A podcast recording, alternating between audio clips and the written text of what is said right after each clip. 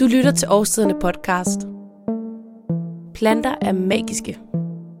Derfor har vi kaldt gårdens gardener ind fra smagsmarken, og vi har bedt vores kokke om at lægge knivene for en stund, så de kan dele ud af deres åbenbaringer fra planternes magiske verden. Lene Maria er ekspert i fermentering, og derfor giver hun dig her sin opskrift på surkål, som må sige sig være lidt af en klassiker inden for den her disciplin.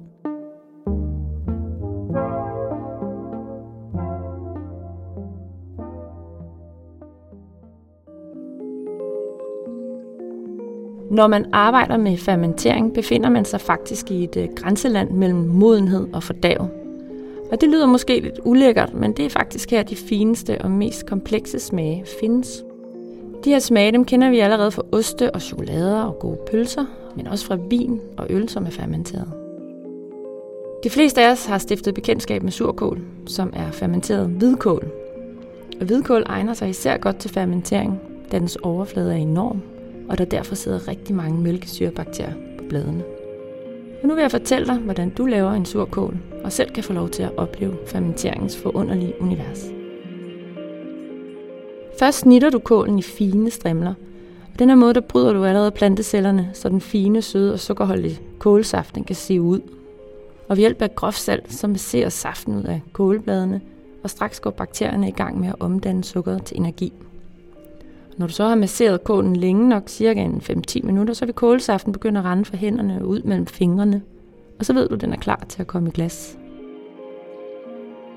Mælkesyrebakterier de arbejder anaerob, det vil sige, at de arbejder uden ilt. Så når du tager den masserede kål og presser det ned i et patentglas, så sikrer du det perfekte miljø for mælkesyrebakterierne. Når kålen er presset ned i glasset, så dækkes den med et par kålblade, som sættes i spænd mellem den masserede kål og låget. Glasset stilles på en tallerken i køkkenet, et skyggefuldt sted i en 3-4 uger. Og i løbet af den første uge, så er det især vigtigt lige at lette på låget en smule, så trykket ikke bliver alt for stort i glasset. For mælkesyrebakterier de danner nemlig også CO2, altså kulsyre, i fermenteringsprocessen. Og der findes altså enkelte eksempler på, at glas er eksploderet, fordi trykket er blevet for stort. Efter tre uger, så smager du på kålen, og ønsker du lidt mere syrlighed, så kan du give den en uge til. Og ellers så stilles den på køl.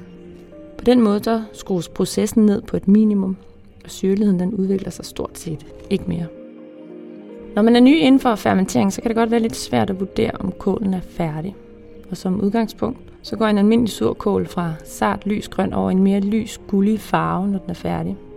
Konsistensen den skal stadig være en smule sprød, og smagen den skal være syrlig, og nogen kan nærmest smage syrligheden fra en god yoghurt i surkålen. Skimmel er surkålens værste fjende, men skimmel den er tydelig, den har små hår på overfladen, og den kan optræde i mange forskellige farver. Er der den mindste smule skimmel på toppen, så skal surkålen kasseres. Er der ingen tegn på skimmel, så er det bare værsgo og spis.